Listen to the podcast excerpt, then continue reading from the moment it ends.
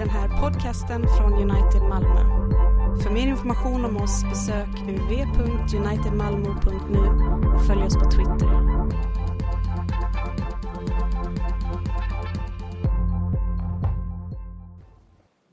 Vi lyssnar till dagens gammaltestamentliga text ifrån Jesaja.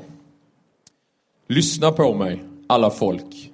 Ni folkslag, hör noga på. Från mig ska lagen utgå. Min rätt ska bli ett ljus för folken. Snabbt nalkas min rättfärdighet. Min hjälp är på väg. Med mäktig arm skipar jag rätt bland folken. Fjärran länder väntar på mig. De sätter sitt hopp till min makt. Lyft blicken mot himlen. Betrakta jorden därunder. Himlen ska lösas upp som rök, jorden slitas ut som en klädnad och dess invånare dö som flugor. Men min hjälp varar i evighet. Min rättfärdighet går aldrig om intet. Så lyder Herrens ord. Gud, vi tackar dig. Och vi lyssnar till söndagens nytestamentliga text från Andra Korinthierbrevet, kapitel 13, vers 5-9.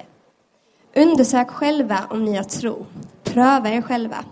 Märker ni inte att Kristus Jesus finns hos er? Eller är det så att ni inte består provet?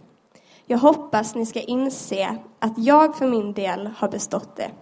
Jag ber till Gud att ni inte ska göra något som är ont, inte för att jag ska visa mig hålla måttet, utan för att ni ska göra det som är gott. Sedan får det gärna se ut som om jag inte höll måttet. Jag kan inte skada sanningen, bara främja den. Jag glädjer mig när jag själv är svag och ni är starka. Just det ber jag om, att ni ska bli allt mer felfria. Så lyder Herrens ord. Gud, vi tackar dig. Upplyft era hjärtan och hör söndagens heliga evangelium enligt evangelisten Lukas. Jesus sa, fäst upp era kläder och håll lamporna brinnande. Var som tjänare som väntar på att deras herre ska komma hem från ett bröllop så att de genast kan öppna när han kommer och bultar på porten. Saliga de tjänarna, eftersom deras herre finner dem vakna när han kommer. Sannerligen, han ska fästa upp sina kläder och låta dem lägga sig till bords och själv gå och passa upp dem. Om han så kommer vid midnatt eller ännu senare, saliga är de tjänarna när han finner dem beredda. Ni förstår väl att om husägaren visste när tjuven kom skulle han hindra honom från att bryta sig in i huset. Var beredda, också ni, till när ni minst väntade, då kommer Människosonen. Så lyder det heliga evangeliet. Lovad vare du, Kristus. Kära bröder och systrar i Kristus. Visst är jag snygg idag eller? Jag vill bara ha den öppningen eftersom jag har slips på mig. Jag har inte haft det på tio år eller någonting. Så att jag vill bara få lite bekräftelse. Tack för den. Vaksamhet och väntan. Alltså det finns rätt många uppmaningar i Nya Testamentet om vikten att vara vaksam, uppmärksam och nykter. Och evangeliets glada budskap handlar ju om nåd och frihet, men evangeliets glada budskap ger oss också en vägledning till så att vi inte lever våra liv aningslöst, nonchalant eller vårdslöst. Jesus säger exempelvis så här i Lukas evangeliet lite längre fram.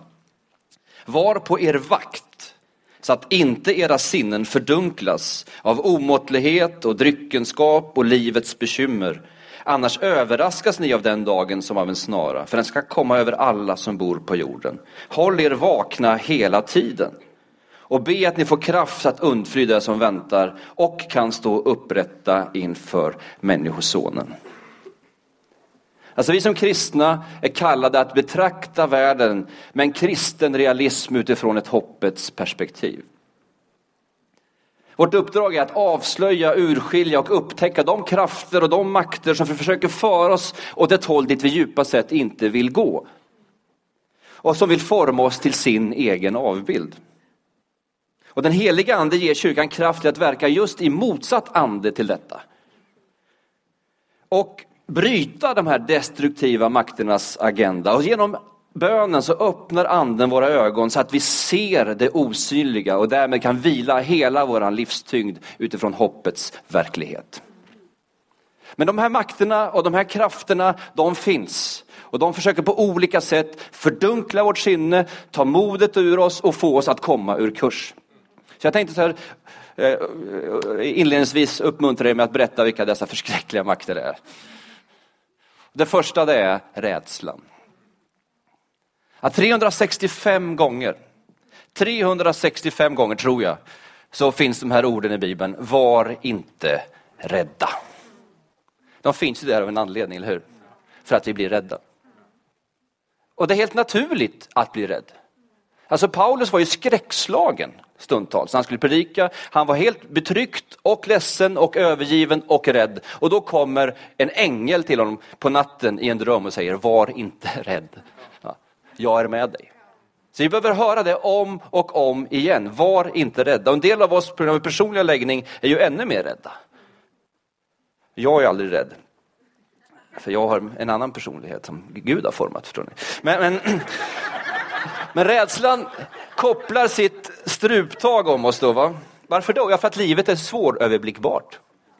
Och det händer saker i vår värld som fyller oss med, med fruktan, som skapar en känsla av osäkerhet. Det som förut verkade vara så stabilt och intakt är nu underminerat och hela tillvaron känns som att den gungar. Jag vet inte om ni förstår vad jag pratar om.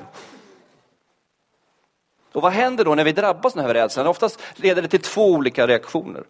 Antingen så sluter vi oss i oss själva. Vi går in i den här lilla bubblan, den här lilla världen, stänger ute allting annat och så blir vi handlingsförlamade och passiva och blir bara upptagna av vår lilla småborgerliga värld. Eller så reagerar vi med, med, med attack. då blir man rädd, då går man till attack mot det som är främmande och mot det som är hotfullt och det som man känner att man inte har kontroll över. Så det är den ena av de här makterna som jag tror griper tag om oss idag och vill fördunkla våra sinnen, rädslan. Det andra, det är hatet och kärlekslösheten. Ni märker att det blir bara roligare och roligare det här. Va? Alltså Jesus säger i sitt avskedstal i Matteus evangeliet att i den sista tiden så kommer laglösheten tillta och kärleken kallna hos många. Eller vet vad det står? Hos de flesta står det faktiskt. Alltså när osäkerheten i livet tilltar, då börjar vi leta efter syndabockar. Vi börjar se om vårt eget hus och vi håller hårt i det som vi betraktar som vårt. Ord som generositet, gästfrihet, att avstå är ju inte buzzword i den trånga världen. Och tyvärr har vi sett många kristna runt om hela vår värld som väljer företrädare som präglas av hatets, oförsonlighetens och själviskhetens politik. Men lyssna. När våra händer sluter sig om vårt eget och formas till knytnävar som riktas mot den andre har vi upphört att vara sanna efterföljare till Jesus som avstod från allt och gav sitt liv för sina fiender. Jag säger det igen. När våra händer sluter sig om vårt eget och formas till knytnävar som riktas mot den andre, då har vi upphört att vara sanna efterföljare till Jesus som avstod från allt och gav sitt liv för sina fiender. Visst är det en bra mening? Den har jag kommit på själv. Den måste ni skicka ut nu på Twitter och alltihopa och skriva. Mitt namn bara. Jag måste bara berätta det. Alltså jag har ju fått mycket cred i, under årens lopp, men jag har ju en bror som är rätt känd också. Så, så oftast har det hänt att vi har, folk har sagt fel namn. Förutom en gång som jag tyckte var helt underbart, för då eh, var vi på en stor, stor eh, tillställning i, vad var det, i, i Stockholm. Jan Guillou där alltihopa. Och jag skulle framhålla ett föredrag om vikten av att vi skulle möta den helige Ande och eh, drabbas kraftfullt av den helige Ande när jag står och talar. Så jag faller ju över talarstolen så här och bara skrattar och, och gråter och skrattar. Så, så, det var mitt anförande inför ett par tusen människor. Det var ju inte så roligt. Nej. Och en tidning, en kyrkans tidning tror jag var, skrev rätt upp, upprört över den händelsen och skrev in Mats Thunhags namn istället. Yes. Men här får ni skriva Magnus Thunhag när ni skriver ut det här. Hatet och kärlekslösheten kan även drabba oss kristna. Och de här punkterna går ju in i varandra, de här krafterna som försöker fördunkla våra sinnen. Det, andra, det tredje det är resignationen och modlösheten. Och det är väl något som jag faktiskt särskilt känner berör mitt eget liv. Alltså hur uppgivenheten, hur den här resignationen, hur den här modlösheten försöker dränka mig i tider som dessa. Alltså godheten och skönheten och sanningen och den självutgivande kärleken får hela tiden stå tillbaka för de oförsonliga och obscena demoniska krafterna. Då känner man ju rätt, hur ska det bli? Vad spelar det för roll hur jag väljer att leva mitt liv? När det verkar som de här onda krafterna bara trampar ner allting som är vackert och skönt och fint. Och här försöker jag odla och så kommer de bara och trampar ner. Vad spelar det för roll? Har ni känt det någon gång? Är det någon idé att fortsätta? Det är väl lika bra att ge upp. Och det fjärde kraften som försöker fördunkla våra sinnen, det är världsligheten. Alltså när vi förlorar blicket på hoppet, när smärtan över den tillvaro vi lever i blir påtaglig så är det somliga av oss i alla fall som försöker döva smärtan genom olika stimulanser. En del av oss känner att livet är osäkert och kort och då gäller det att få ut så mycket som möjligt här och nu medan man ändå har chansen. Vi skulle nog aldrig erkänna det tror jag, i alla fall inte de flesta här inne, men jag tror att rätt många lever utifrån det som Paulus sätter fingret på i första Korinthierbrevet 15 när han säger så här, om de döda inte uppstår, låt oss äta och dricka, till imorgon ska vi dö. Eller? Om jag nu ska titta lite mera med min röntgenblick på er.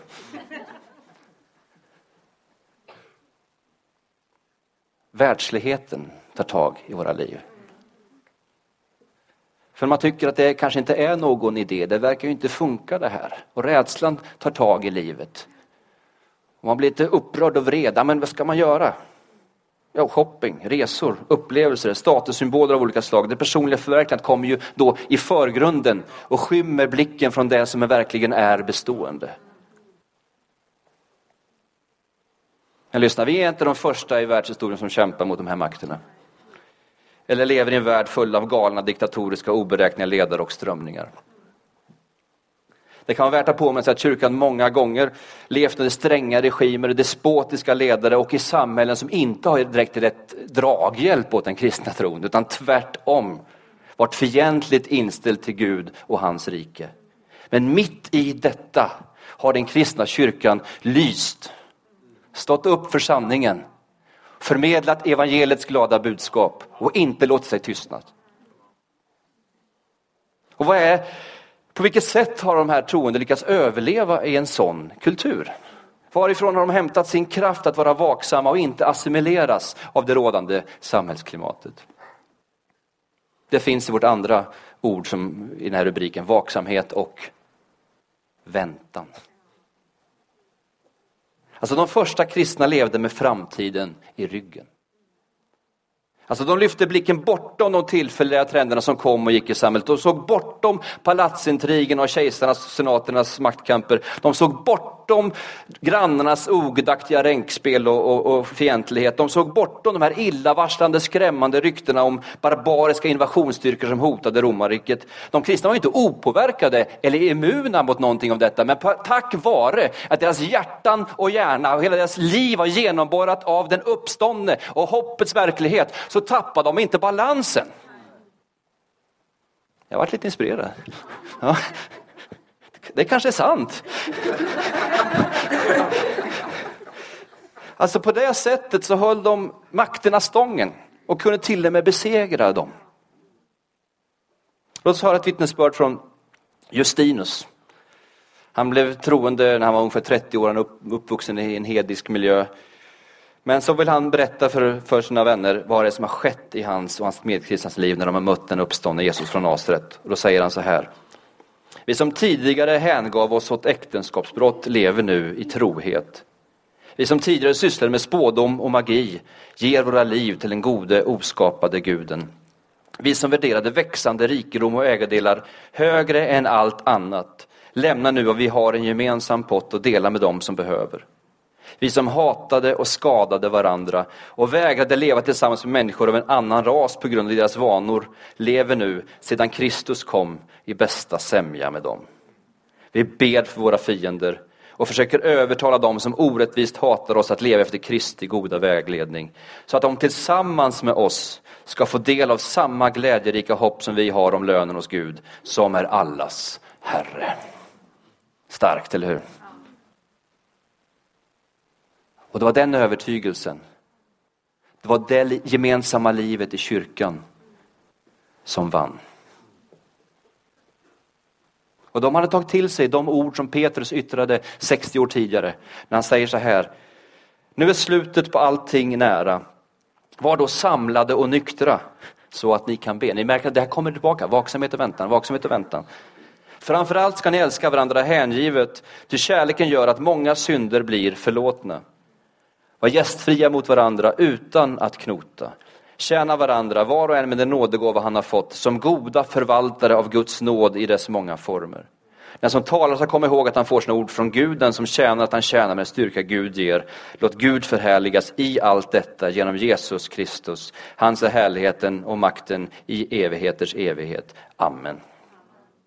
Och Magnus Malm kommenterar de här orden, Petrus ord så här.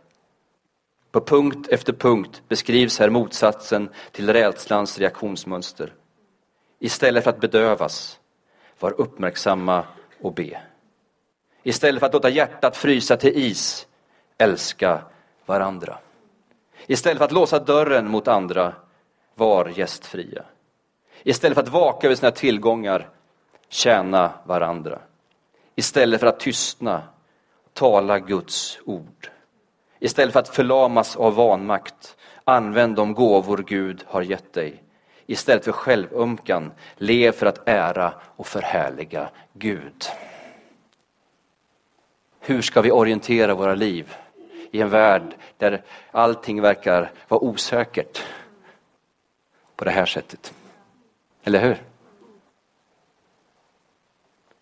För det är på det här sättet som vi lyder Jesu uppmaning i dagens text om att fästa upp våra kläder och hålla våra lampor brinnande. Vad innebär det? Jo, det där. Det är på det sättet som vi lever i vaksamhet och väntan på vår Herres ankomst. Genom att leva sådär. Inte genom att liksom spana i skyn efter olika tecken och vad kan hända nu och vad händer i Israel och vad händer i USA och vad händer i Sydamerika och vad händer i Zimbabwe och vad händer liksom i Bromölla. De med viktiga metropolerna. Utan spekulera inte. Låt inte fruktan driva dig till dig själv, utan låt detta hända. Det, det, som är, det är genom att pröva oss mot det som det här som Petrus uppmanar oss till, som vi får reda på svaret på den fråga som Paulus ställde i, i dagens episteltext. Undersök er själva, märker ni inte att Kristus finns hos er? Hur märker vi att Kristus finns hos oss? Vet du vad vi gör då? Då stoppar vi ner den här temperaturmätaren i känslolivet, eller hur? Känner jag att Kristus är hos mig? No. Väldigt, väldigt sällan. Men jag märker att det kommer till församlingen då. Där finns det bön, det finns kärlek, det finns gästfrihet, där finns Guds ord. Jag märker att Kristus är mitt ibland oss.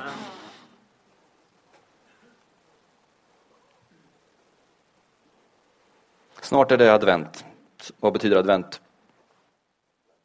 Ankomst. Vad är det vi väntar på? Vi ska leva vaksamhet på det här sättet, men vad är det vi väntar på? Jag vet inte vad ni har haft för uppväxt och erfarenheter av olika eskatologiska undervisningar med olika scheman och kartor och grejer. Som, som en tjuv om natten, räcker ju att säga det. Jag har ju läst Bibeln fruktansvärt många gånger, vill bara säga det. Då vet ni det också. Det kan ni också skriva ut på Twitter. Eh, första gången jag läste Bibeln från pärm till pärm var jag tio år, vill jag bara säga också. Ja, ja, jag hade inget liv, jag vet. Men, men, men jag såg någonting idag som jag, jag har självklart läst det förut eftersom jag läst den så fruktansvärt många gånger. Men det var så starkt. Jag tror vi får upp den på skärmen igen, va, eller? Fick vi med den sista? Jesus säger så här, fäst upp era kläder och håll lamporna brinnande. Var som tjänare som väntar på att deras herre ska komma hem från ett bröllop så att de genast kan öppna när han kommer och bulta på porten. Saliga de tjänarna eftersom deras herre finner dem vakna när han kommer. Sannerligen, lyssna nu. Han ska fästa upp sina kläder och låta dem lägga sig till bords och själv gå och passa upp på dem. Vad är det vi väntar på? Det är inte en hård tyrann som kommer för att straffa oss, för att värdera oss, för att väga oss. Vi har kämpat den goda kampen. Vi har slagits mot makterna. Vi är trötta. Men vi har inte somnat. Vi har hållit vakna. Och när han kommer, då ska han själv betjäna oss. Vilken underbar bild, eller hur? Det är det vi väntar på. Och det är därför de första kristna kunde stå raka i motståndet. Kunde hålla kursen fastän allting kändes som att det bara kastades hit och dit. För de visste vad de väntade på. Och de såg fram emot det. Så nu har du en bild att leva med de närmsta veckorna.